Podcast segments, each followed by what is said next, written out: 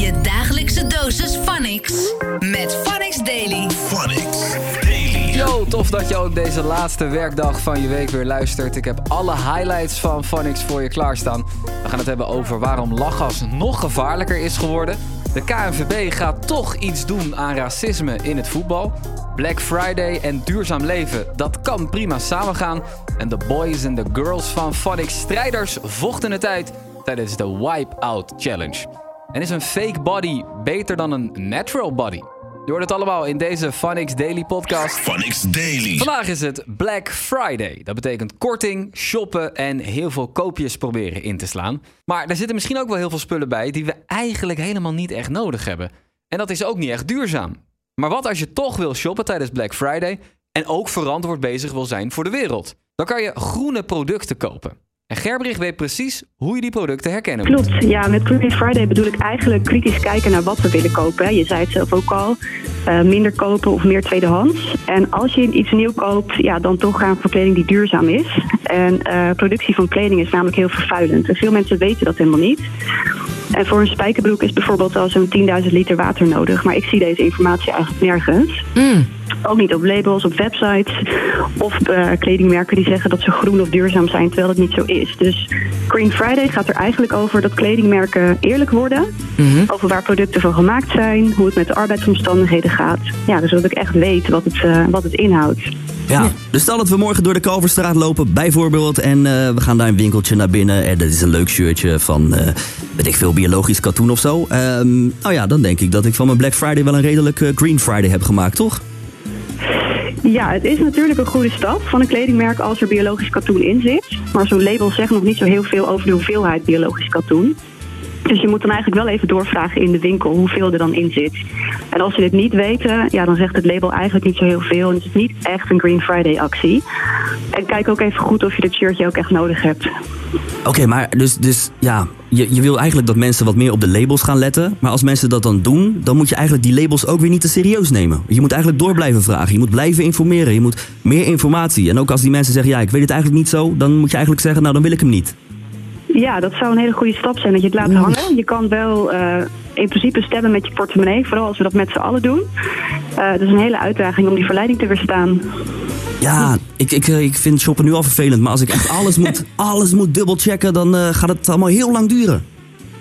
Ja, en dat is ook precies mijn punt. We moeten veel te veel zoeken. Dus ik pleit ook voor een systeem waarin al informatie gewoon meteen bij het kopen gegeven wordt. En dus dat bedrijven verplicht worden om die ook te geven, zodat je het direct kan zien. Ah ja. Want nu, eh, ja, nu moet ik eh, uitwijken naar tweedehands. Eh, hè, daar zijn natuurlijk hele goede platforms voor. En als ik wel iets nieuw koop, moet ik allemaal websites checken of keurmerken. En dat, dat werkt op zich, maar ik vind ook, we moeten veel te veel zoeken. Ja, maar hoe vind jij dat het zou moeten? Als jij zeg maar een kledingwinkel zou hebben of een kledingwinkel, hoe zouden ze ermee om moeten gaan? Nou, ik zie wel dat veel merken al echt hun best doen om te verduurzamen. Ehm, ja, en waar een kledingbedrijf sowieso mee aan de slag moet, is dat ze gewoon weten waar hun kleding vandaan komt. Daar begint het mee. Wie maakt het? Waar wordt het gemaakt? Welke materialen zitten erin? Zodat je dit vervolgens ook eerlijk kan vertellen. En eh, ja, wat mij betreft, de beste oplossing is het als merken duurzame materialen gaan gebruiken of gaan recyclen. Dit is echt nog wel heel lastig volgens mij, maar daar is innovatie voor. En als je precies weet als winkel welke materialen je gebruikt, dan kan je die informatie ook geven. Ehm, ja, en hierbij als kopers kunnen daar een hele belangrijke rol in spelen. Dus ja, blijf gewoon vragen. Phonics Daily. Er lijkt iets te gaan gebeuren aan het racisme in het voetbal. Er was natuurlijk heel veel ophef om de racistische kreten tegen Mendes Morera, speler van Excelsior, tijdens de wedstrijd tegen FC Den Bosch. Iedereen sprak zich daarover uit en iedereen was het eigenlijk over één ding eens. Het moet afgelopen zijn met dat racisme en de KNVB moet een voortrekkersrol daarin nemen. En misschien hebben ze wel geluisterd, want het kabinet en de KNVB hebben aangekondigd dat ze van plan zijn meer slimme camera's in het stadion op te hangen. Die camera's die kunnen dan herkennen en volgen wie zich misdraagt.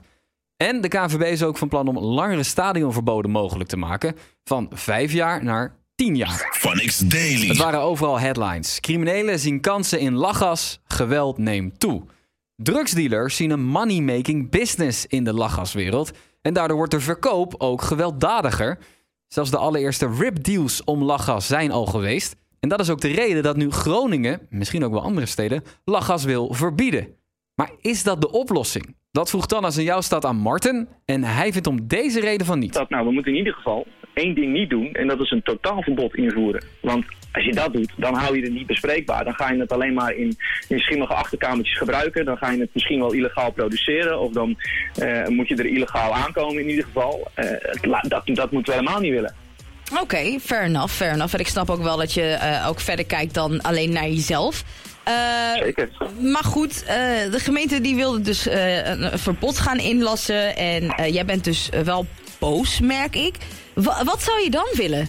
Want je zegt ja, als het eh, verboden gaat worden, dan gaan we het illegaal doen. Wat zou dan een tussenoplossing zijn volgens jou? Ja, nou ja, er is een grote kans dat men het dan inderdaad wil blijven doen en het, en het op een andere manier er wel aankomt. En we hebben allemaal gezien wat dat, eh, wat dat bijvoorbeeld doet met, eh, met wiet. Hè? Dat moet illegaal verbouwd worden nu. En, en, en dan krijg je wietzoldertjes en, en, en weet ik veel wat. Daar moet je helemaal niet naartoe willen, joh.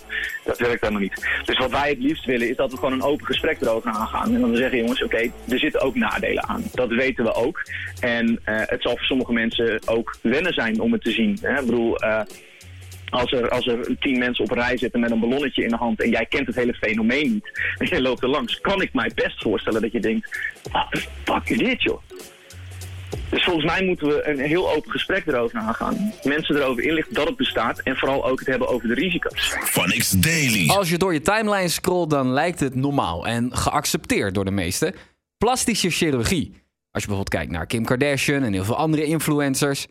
Maar toch vinden mensen het nieuwe tv-programma over plastische chirurgie veel te ver gaan. Plastisch Fantastisch is een reality-serie waar mensen die een operatie krijgen worden gevolgd in een chirurgische praktijk. Heel veel mensen vinden het walgelijk, onnodig en zeggen dus dat ze liever natural bodies hebben dan fake. Onze reporter Nixon peilde de meningen op straat. Ik ben er zelf ben ik er wel tegen, man. Dus ik zou zeggen nee. Nee man. Gewoon nee. Dus jij zegt nee gelijk. Ja. Nee man, het moet wel gewoon, gewoon normaal zijn. Gewoon, ik hou niet van nep. Gewoon normaal. Gewoon normale lippen. Nou, ik vind dat op zich niet erg als ze daar zelf mee zit. Maar het moet niet, eh, het moet niet van die eh, zulke lippen zijn.